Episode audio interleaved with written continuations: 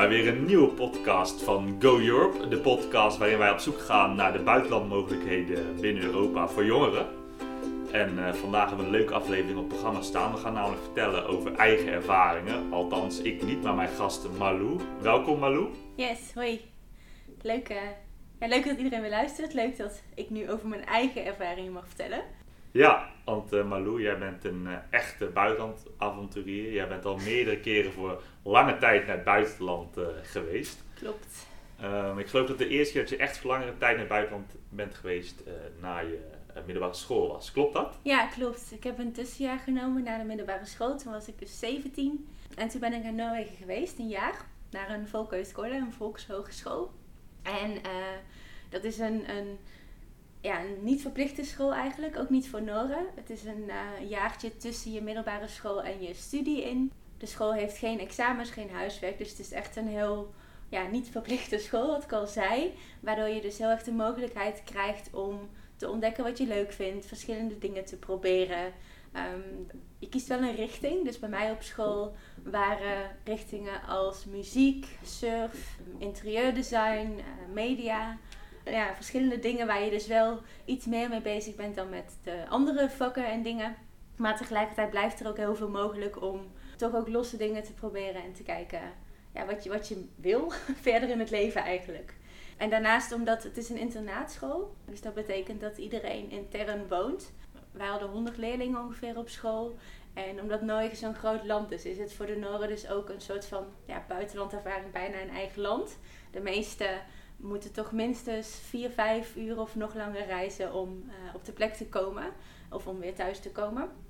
Dus um, ja, voor mij was het daarnaast natuurlijk ook een nieuw land en een nieuwe taal. Maar voor hun was het ook een soort van manier om nou, jezelf beter te leren kennen. En uh, heel veel tijd vooral te hebben om te doen wat je leuk vindt. Of te kijken of je bepaalde dingen leuk vindt. Dus je zat daar eigenlijk vooral met Noren of ook met meer internationals zoals jij? Nee, ik had, er was nog één Deens meisje. Uh, maar Deens en Noors lijkt zo erg op elkaar dat zij eigenlijk kon communiceren met iedereen. Het was ook vanaf dag één in het Noors. Um, wat ik niet kon, hè. Dus ik liep daar een beetje verdwaald rond in het begin. Uh, er waren wel heel veel mensen natuurlijk die uh, Engels tegen mij praten en die hielpen. En we hadden um, bepaalde vakken dus met, of vakken, bepaalde ja, lesmomenten of, of activiteiten misschien meer. Uh, met die groep die je dus gekozen had. We waren met z'n tienen. Ik deed media. En we hadden gezamenlijke vakken. Dus dan zat je in een grote zaal en dan kwam er een gast. Of ze gingen het over een bepaald thema hebben. We hadden ook twee keer in de week koor, als in zingen dinsdagavond en donderdagavond, weet ik nog heel goed, ging je een uurtje zingen. En dat was eigenlijk grappig genoeg voor mij de grootste Noorse les of zo. Omdat het waren Noorse liedjes, ik kon meelezen, ik hoorde wat ze zongen. En het was een beetje alsof ik tien was en de Spice Girls meezong, weet je wel. Met van die Engels wat geen Engels is en een dan Noors wat geen Noors bleek te zijn, kwam ik later achter. Maar was wel een heel makkelijke manier om zeg maar dat te gaan oefenen. En uh, ik had dus ook een kamergenootje, omdat het een internaatschool was, deelde dus het grootste deel van de leerlingen deelde de slaapkamer. En zij zei op een gegeven moment, volgens mij kan jij prima Noors. Na een paar maanden zei ze dit. Na kerst ga ik geen Engels meer tegen je praten. Ja, dus dat uh, is gebeurd. Ik heb nog heel veel Engels teruggepraat, maar tegelijkertijd was het ook wel echt een uh, heel mooie manier ook om de taal te leren naast uh, ja, alle andere dingen die daar komen. En waarom heb je ervoor gekozen om nou, dus, ja, op deze manier een buitenlandervaring aan te gaan? Ja, um, ik wilde vroeger altijd heel graag naar Amerika voor een jaartje high school. Maar tegelijkertijd vond ik Engels stom en wilde ik helemaal niet zo ver weg. Het was meer dat dat de trainer was wat ik kende of zo. Dat, dat weet je dat je kon doen in je tussenjaar. En toen ben ik naar een infomiddag geweest. Daar waren heel veel jongeren die een buitenlandervaring hadden gedaan. Voornamelijk een middelbare school um, in het buitenland. En er was één meisje die was in Noorwegen geweest. En zij vertelde over een middelbare school. En toen dacht ik, hé, hey, Noorwegen is ook leuk. Het is een andere taal die ik nog niet ken. Dat vond ik heel leuk. Uh, maar tegelijkertijd is het ook niet super ver van huis. Dus ik kon nog een keer een weekendje naar Nederland komen als ik zou willen. Of met kerst bijvoorbeeld. Uh, ik wist ook dat Noorwegen qua cultuur niet gigantisch verschilt van Nederland. Vond ik ook heel fijn. En ik moest natuurlijk in Noorwegen nog een school kiezen. er is ehm, eh, niet echt een organisatie die je daarbij helpt, dus je moet dat zelf doen. Er is wel een Nederlandse site, ik volkshogeschool.net of iets in die trant, met een overzicht. Maar eigenlijk kun je elke school gewoon aanschrijven afhankelijk van of je een bepaald thema wat zij aanbieden leuk vindt. Je hebt bijvoorbeeld ook heel veel scholen die zich echt op outdoor uh, leven en zo richten. Dus bijvoorbeeld skiën of uh, vissen. Wat gewoon nou ja, heel exotische dingen natuurlijk zijn voor ons in Nederland. En in principe bieden ze het allemaal ook aan, omdat voor hen is het ook dat interculturele een, een soort van verrijking hè, voor iedereen die daar op school zit. Er zijn ook scholen die speciale richtingen hebben voor buitenlanders. Dus bijvoorbeeld om Noors te leren, heel specifiek. Of te geven aan, wij hebben meer internationale studenten. Maar ik wilde dat eigenlijk niet, want ik wilde gewoon heel graag heel veel Noors horen en oefenen.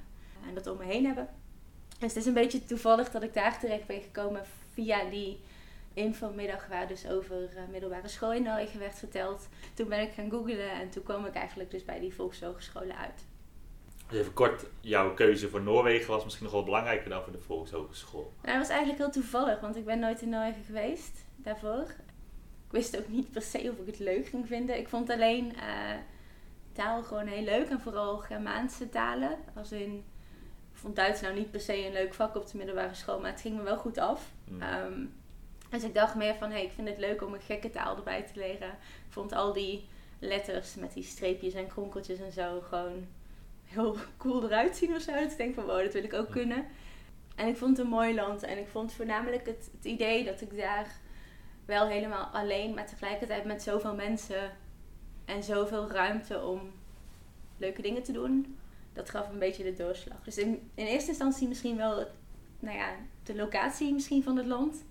Maar toen ook zeker wel het principe van de Volkshogeschool. Oké, oké. En uh, nou, praktisch gezien, je ging dus naar een infomiddag, daar hoorde je over Noorwegen. Uh, je kwam erachter dat je zelf uh, een school moest aanschrijven. welke kosten zijn er verbonden aan een jaar Volkshogeschool? Het is echt gigantisch duur.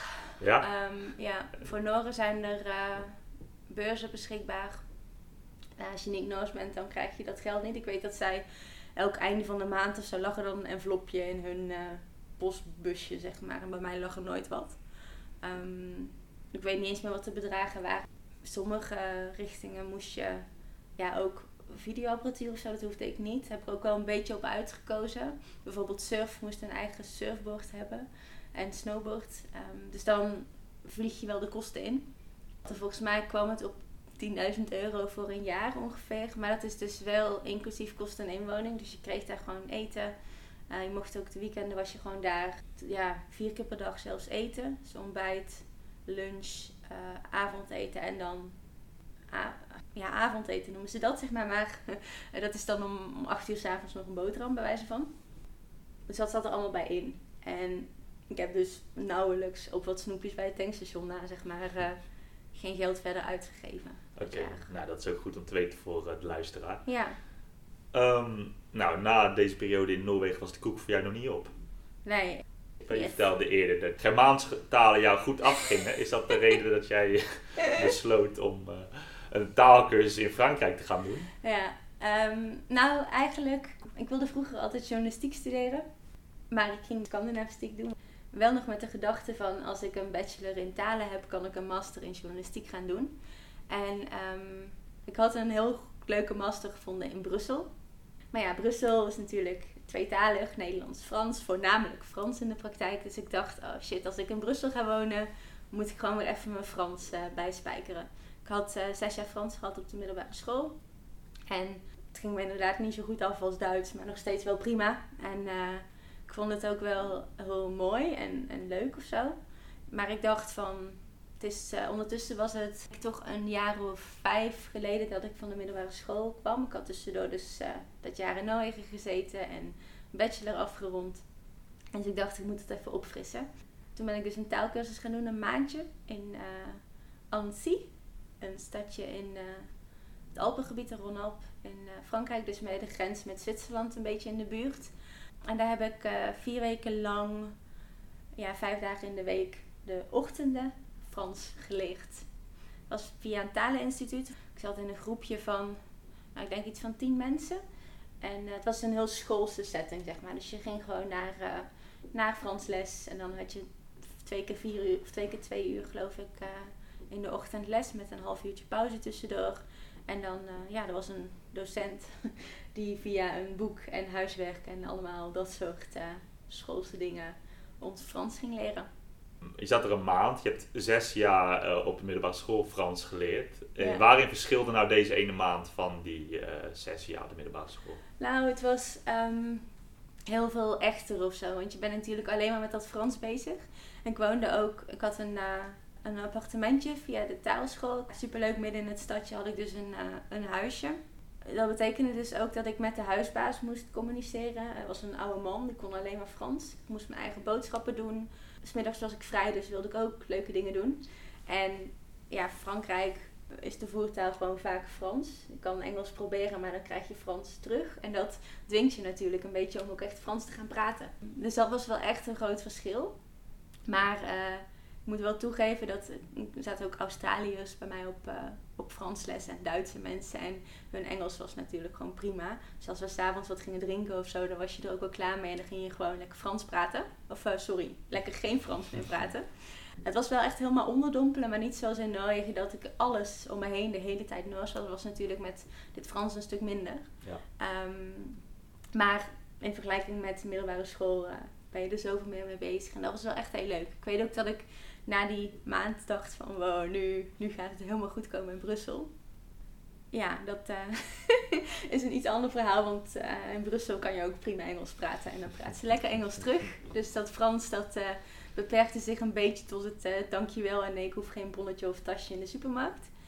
Maar het was heel fijn om het even op te frissen en ook weer gewoon dingen te kunnen lezen en zo. En nou ja, zoals altijd was het superleuk om een maand met een groep mensen uh, in een ander land te zitten en elkaar ook te leren kennen. En gewoon daar, het stadje, dat was een superleuk stadje, Annecy. Het is een toeristenstadje, maar ik was er in um, april geloof ik, dus dat viel nog wel mee. Ligt aan een heel groot meer, het was lekker weer. Ik kon uh, picknickbox halen in het Frans dan wel en dan kon je lekker aan het water je huiswerk gaan zitten maken. Dus dat was echt uh, superleuk. En het leuke van deze talenschool was ook dat um, ze hebben verschillende pakketopties ook.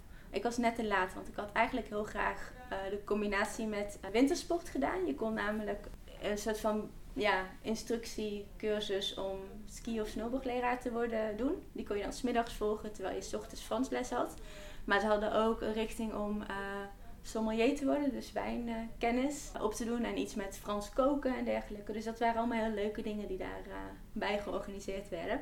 Dus het beperkt zich niet alleen tot de taal? Nee, en ik denk ook voor mij persoonlijk had het niet gewerkt om meer dan die vier uur les te hebben. Want ja, weet je, na die vier uur was je helemaal kapot. Als je non-stop in een andere taal aan het denken bent en uh, daarmee bezig bent. Uh, dus het was eigenlijk uh, voor mij wel perfect zo. En welke tips zou je meegeven aan iemand die ook een taalschool zoekt? Ja, Hoe regel je dat? Ik heb wederom gegoogeld naar taalschool. Frankrijk had wel eerst nagedacht over waar wil ik naartoe? En het was voor mij wel vrij duidelijk dat ik naar een stadje wilde, waar in elk geval ook uh, ja, een beetje leven was. Ik wilde heel graag dat er een bioscoop was, dat ik naar de film kon. Ik wilde heel graag dat er uh, cafeetjes waren of zo. Maar ik wilde niet in, in een Parijs of grote stad zitten. Ik wilde gewoon een, een soort van behapbaar stadje waar ik lekker kon wandelen en uh, overal naartoe kon. En een beetje mooi in de natuur. Er was een site met een overzicht van taalscholen in Frankrijk. Mijn taalschool heette IFALP.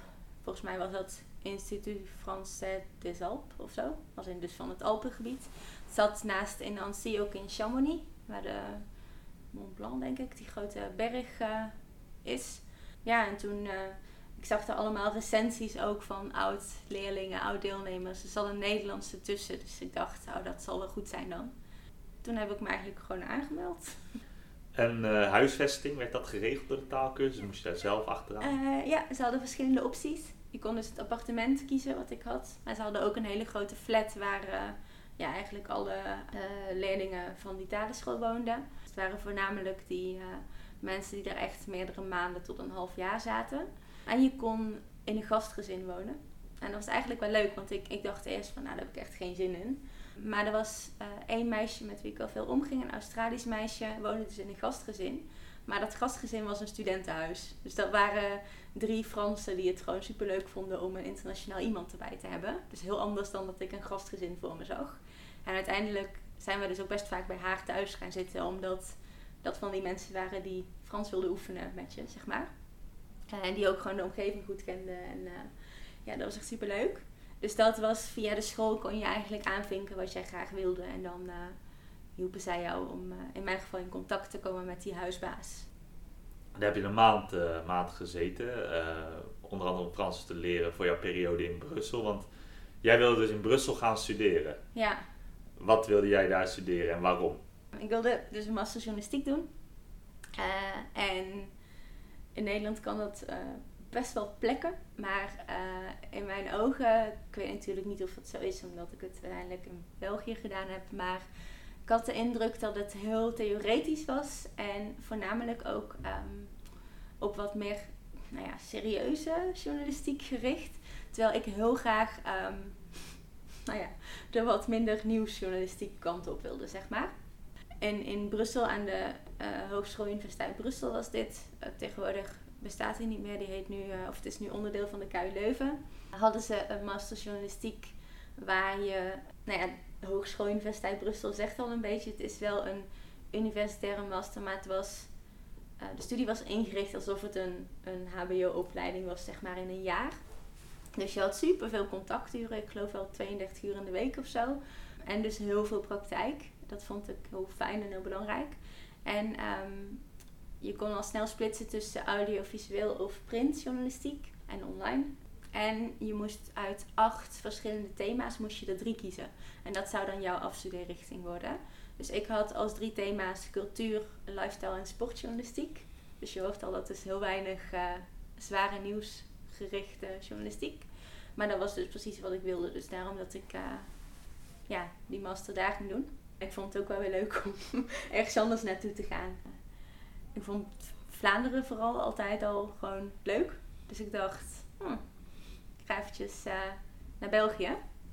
Um, maar ja, Brussel is natuurlijk, heb ik vooral toen ook ontdekt, niet per se zoals de rest. Nou ja, de rest is natuurlijk niet eens Vlaanderen. Dus het was niet zoals ik helemaal had verwacht. Ik kende Brussel ook niet goed toen. Maar het was wel echt een, een avontuur om in Brussel te wonen. Waarom? Ja, het is zo'n gekke stad of zo. Naast dat je het, het Franse en het Nederlandstalige door elkaar hebt lopen, en hier en daar nog een beetje Duits zelfs, is het natuurlijk ook de hoofdstad van Europa. Hè? Dus, dus het Europese wijkgedeelte is nog zo'n andere, ander stuk stad. Het zijn echt heel veel losse stadjes in één stad, zeg maar. En het was echt wel, vooral in het begin, heel erg zoeken. En wat heel opvallend was, vond ik, is dat die Vlamingen Brussel ook niet per se kenden of zo. Dus het was een heel, ja, met z'n allen uitzoeken en vooral ook veel uh, in mijn eentje uitzoeken. Of in de weekenden als ik dan bezoek kreeg vanuit Nederland of zo. Uh, ja, het is een beetje een, een, een kale stad of zo. Je moet denk ik heel erg weten waar je moet zijn. En, en sowieso lijkt het zo vaak een andere stad als je gewoon van de ene naar de andere wijk loopt. Dat dat heel bijzonder is. En um, ik woonde echt midden in de stad, vlakbij de beurs. En dat is gewoon alsof je non-stop op vakantie bent terwijl je daar gewoon woont. Dus dat was wel een heel aparte ervaring. Een, een kale stad. Wat krijg je mee van uh, dat het de Europese hoofdstad is als je er woont? Oh, helemaal niks. Niets? Nee, de Europese wijk ligt zeg maar... Um, ja, het is echt een wijk waar al die grote gebouwen zijn en waar ook het grote deel van de mensen wat, wat voor de commissie en dergelijke werkt, volgens mij woont. Ja, het fijne was dat ze daar, daar is alles gewoon Engelstalig. Maar tegelijkertijd in het weekend zijn alle cafeetjes en zo daar gesloten, omdat de meeste mensen ook weg waren. Dus je moest er echt naartoe om het mee te maken. En nog even terugkomend op je studiekeuze. Ehm, een master uh, op zich is al een hele uitdaging. Jij besluit ook nog om in het buitenland te doen. Ja. Was je daar niet uh, gespannen voor? Nee, ik vond het gewoon. Uh, het was de master die ik al sinds kinds af aan wilde doen. Ik wilde altijd als journalistiek studeren, dus ik dacht meer van. Oh yes, en dan ook nog. En sport en lifestyle journalistiek. Wat ik gewoon eigenlijk ja, nog steeds wel denk van wat is het eigenlijk een luxe dat ik die vak heb mogen hebben, zeg maar. En in wat meer cultuurjournalistiek mogen duiken. Dus ik vond het eigenlijk alleen maar leuk. Het enige, het is natuurlijk in het buitenland. Ehm, nu is het zo omdat het Nederlandstalig is en ik een Nederlands bachelordiploma had. Ja, was het heel makkelijk. Zij, begrepen gewoon wat er stond. En het was heel duidelijk dat ik een diploma had. Dus ik hoefde ook niks te laten vertalen door uh, nou ja, bij Edert vertalers of iets in die trant. De enige bijkomstigheid voor deze studie journalistiek was dat ik, omdat ik geen Belgisch diploma had, moest ik één extra vak volgen. Uh, Nederlandse taalkunde. was echt, nou ja, een beetje grappig, want uh, iedereen die enkel een bachelor had in Vlaanderen, dus een Vlaamse bachelor, die niet met talen te maken had, moest dit vak volgen. Had jij een master al afgerond, al was het in rechten of economie of zo, zoals best wel veel van mijn medestudenten, die hoefden dan niet dit extra taalvak te volgen, terwijl dat voor hen een heel ander soort studie was. En ik moest dus met mijn bachelor, ja, letteren, moest ik Nederlandse taalkunde gaan volgen. Uh, maar dat kon ik eigenlijk, het was dus één vak, dus het was uh, volgens mij twee uur in de week kon ik parallel doen aan uh, gewone vakken. Ik ben daardoor wel een half jaar of een jaar uitgelopen, ook omdat ik de stage graag in Nederland wilde doen. Dat kon gewoon. Het was dan wel dus praktisch gezien handiger als ik dat uh, ja, het semester daarna zeg maar deed. Dus een soort van derde semester. Uh, maar ik heb er toen voor gekozen om een jaar in Brussel te wonen en daar alle vakken te volgen. En toen terug naar Nederland te gaan. Ik heb eerst drie maanden in Haarlem gewoond voor mijn stage. En toen ben ik weer bij mijn ouders gaan wonen om mijn scriptie af te maken. En nog wat laatste tentamens. Ja, dat kon je gewoon uitspreiden. En het collegegeld in België is een stuk lager. Dus wat dat betreft, ja, je betaalt gewoon het collegegeld wat er is. Volgens mij was het toen 500 euro voor een jaar. En dan uh, ja, werkt het eigenlijk ook hetzelfde als in Nederland. Je, je schrijft je gewoon in en het is super fijn dat je alles begrijpt, omdat het gewoon Nederlands is. Dus uh, je bent ook echt niet. Voor mij waren wij met z'n drieën, drie Nederlanders in, uh, in de master.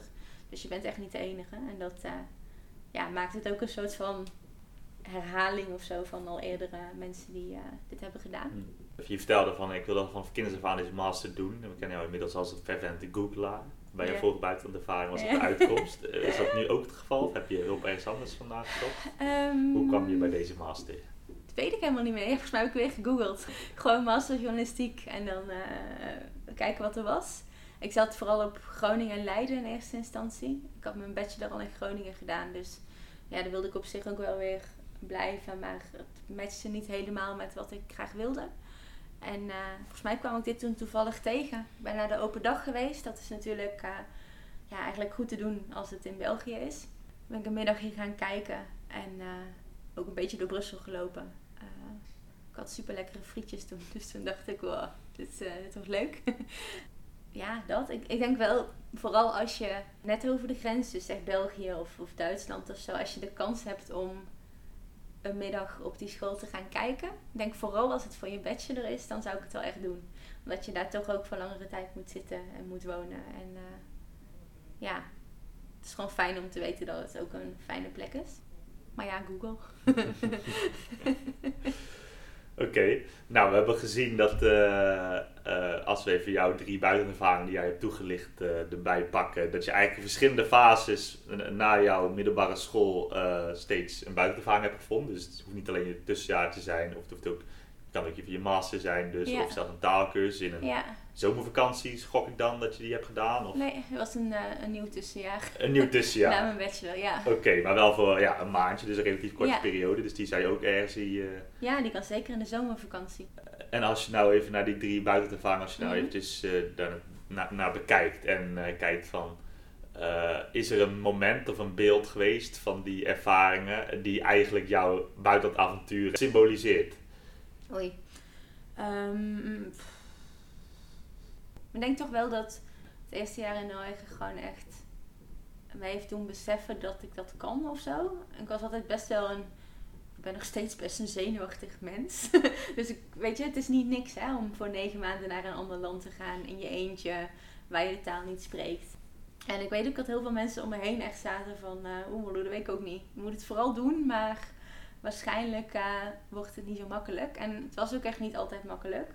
Maar achteraf ben ik zo blij dat ik het gedaan heb. En ik heb zoveel geleerd van het feit dat, ja, dat je veel meer kan dan je denkt misschien. Als je, je opeens echt helemaal in je eentje moet redden, dan uh, je gaat echt wel gewoon wekelijks je was doen als je geen ondergoed meer over hebt, zeg maar. En je gaat echt wel ehm, iemand aanspreken als je iets nodig hebt en er zelf niet uitkomt. Ook al vind je het spannend. En je gaat echt wel Engels praten, want Engels praten vond ik best wel ik vond Engels gewoon stom. En ik zag het nut er wel van in, maar ook niet echt of zo. Dus dat jaar in Noorwegen liet me ook wel beseffen van...